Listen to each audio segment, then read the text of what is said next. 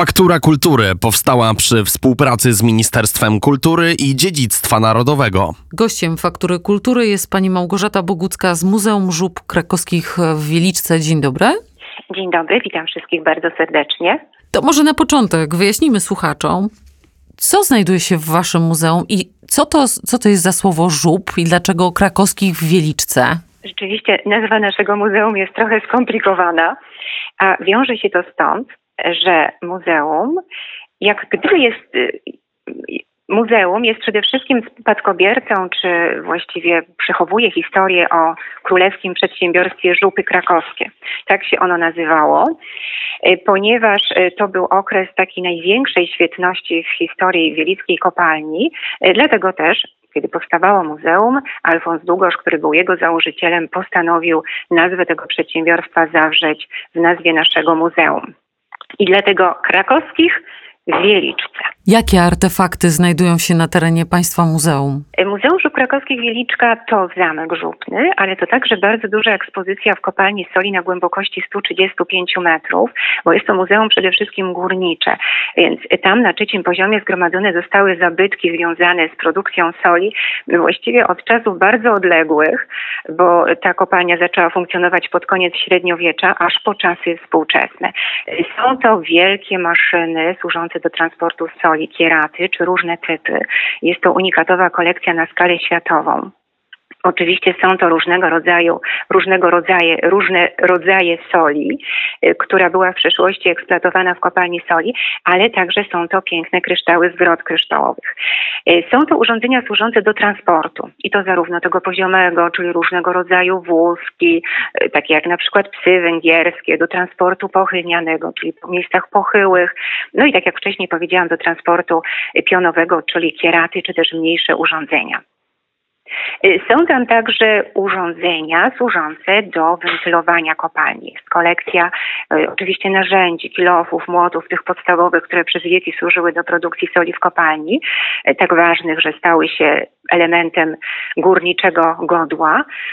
Są także wystawy, które pokazują sztukę sakralną w kopalni, bo w kopalni powstawały kaplice, dlatego że praca pod ziemią jest bardzo niebezpieczna i kiedyś górnicy zawsze zaczynali pracę od modlitwy. Był taki okres, że od mszy świętej. I wiele kaplic zachowało się do naszych czasów, ale te, które się nie zachowały, zachowały się z nich obiekty, rzeźby czy też obrazy i te można spotkać w, jednej z wystaw muzealnych. Są także pokazane dwie piękne komory i bardzo duże komory. Maria Teresa i Zaura, mówimy o nich, że są to rezerwaty, ponieważ na ścianach zachowały się ślady po dawnej eksploatacji soli. Jest tych obiektów bardzo dużo, są zgromadzone także obiekty archeologiczne, bo zanim zaczęto pozyskiwać sól w kopalni, czyli pod koniec XIII wieku, to przez wiele, wiele wieków od okresu neolitu pozyskiwano tą sól z słonej wody. W pewnym momencie słone źródła wypłynęły na powierzchnię. Ludzie zorientowali się, że ta woda jest wyjątkowa, że można z niej pozyskać cudowny proszek, który jest wspaniały do konserwowania żywności. I tak tą sól produkowali aż do momentu odkrycia kopalni soli, czyli do końca XIII wieku. To jest ta główna ekspozycja, to jest ta główna ekspozycja muzeum, która znajduje się w kopalni i druga ekspozycja znajduje się w Zamku Żupnym. Zamek jest niezwykły i znowu zamek żupny. Dlaczego żupny? Dlatego, nie wiem czy ja wytłumaczyłam, żupa to staropolskie określenie kopalni. I stąd ta żupa pojawia się w nazwie Królewskiego Przedsiębiorstwa Żupy Krakowskie i stąd Żupny pojawia się w nazwie Zamku Żupnego. I mamy teraz taką dobrą informację dla słuchaczy naszych, e, że w ramach darmowego listopada w rezydencjach królewskich będzie można odwiedzić Państwa za darmo. Co będzie można zobaczyć? Jak e, trzeba się zarejestrować? Czy trzeba się zarejestrować? Jak wygląda ten darmowy listopad e, w rezydencjach królewskich? Może zacznę od tego, że w ogóle nie trzeba się rejestrować na zwiedzanie Zamku Żupnego. Mamy przygotowane zajęcia edukacyjne i na nie trzeba się zgłaszać. Natomiast samo zwiedzanie jest dostępne dla wszystkich przez cały czas. Teraz wracając do Zamku Żupnego, nie jest taką typową rezydencją królewską, czyli król nie mieszkał tu przez cały czas, ale co jakiś czas się pojawiał, bo Zamek Żupny powstał po to, by być siedzibą zarządu jego przedsiębiorstwa, tego królewskiego przedsiębiorstwa. Ono dostarczało ogromnych, ogromnych e, kwot na, y, do skarbca królewskiego. I teraz król co jakiś czas tutaj przyjeżdżał, dlatego też zdecydowano, że na zamku w ogóle powstanie e, specjalna komnata królewska i wtedy na ten czas zatrzymywał się w pięknie wyposażonej komnacie królewskiej. E, zamek Żupny przez ponad 700 wieków pełnił tą bardzo ważną funkcję. Siedziby zarządu przedsiębiorstwa z czasem przestało być królewską własnością, stało się własnością państwową. I w tym zamku można zobaczyć kolekcję solniczek.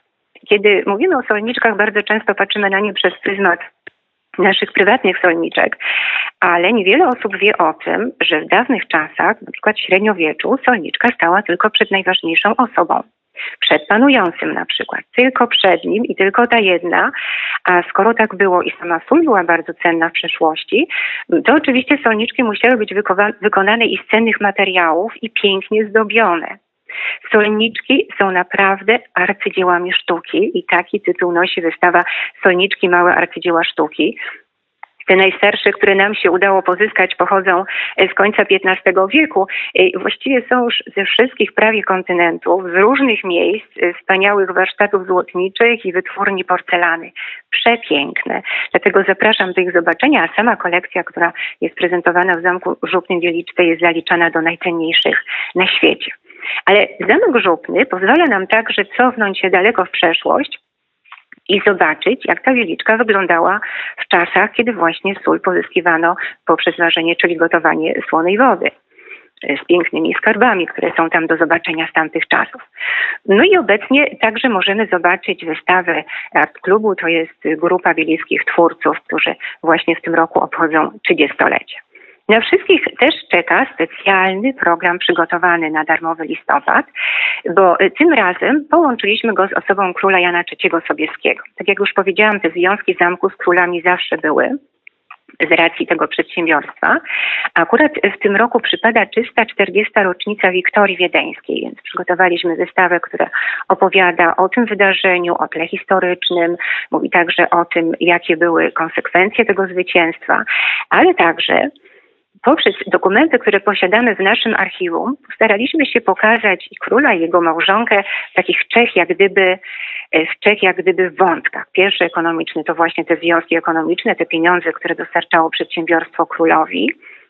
Drugi to jest taki wątek kryminalny, bo tak się złożyło, że na granicy kopalni królewskiej i kopalni królewskiej powstała prywatna kopalnia i był ten moment wybierania soli, nieuczciwej eksploatacji.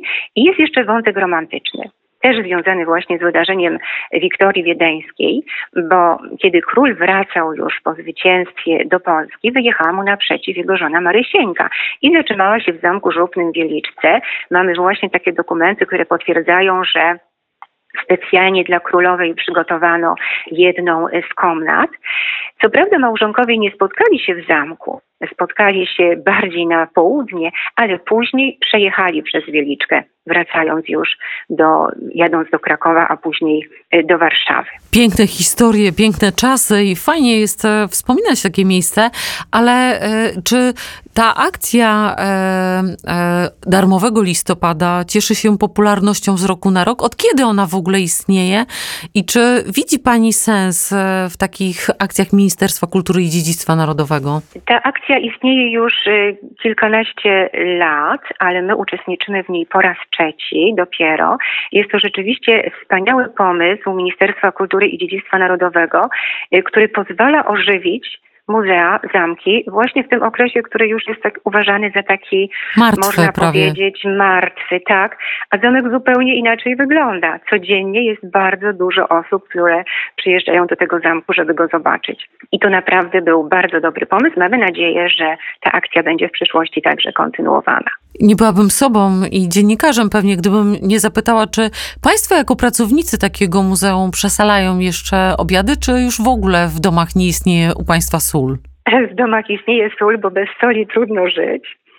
I nie smakuje nic bez soli, to doskonale o tym wiemy. Czy przesalamy? Pewnie nam się też zdarzy czasem przesolić tak jak i wszystkim ludziom, ale staramy się sól stosować z umiarem i staramy się, żeby zawsze gościła w naszych domach. Bo sól to jest także, to jest także symbol przyjaźni. A jak e, przychodzą młodzi, e, młodzi, którzy zwiedzają, mówię tu o dzieciach e, głównie, jak wyglądają lekcje muzealne u Państwa i czy, czy to jest tak, że można na terenie Państwa muzeum chociażby polizać jaką, jakiś kawałek soli?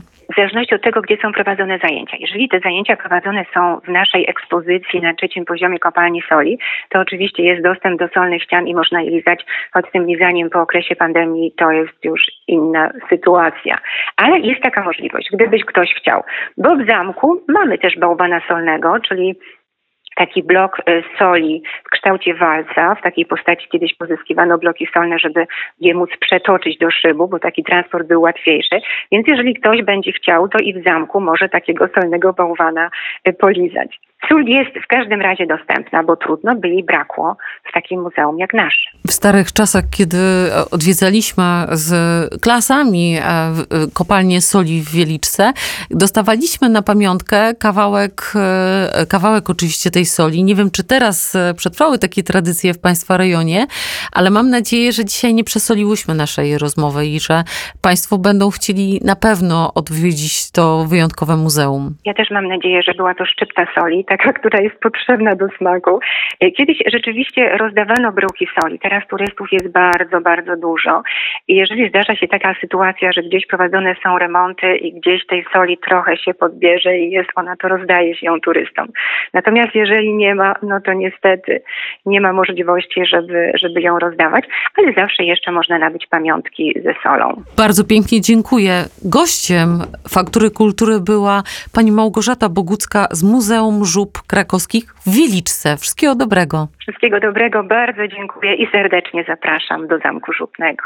Faktura Kultury powstała przy współpracy z Ministerstwem Kultury i Dziedzictwa Narodowego.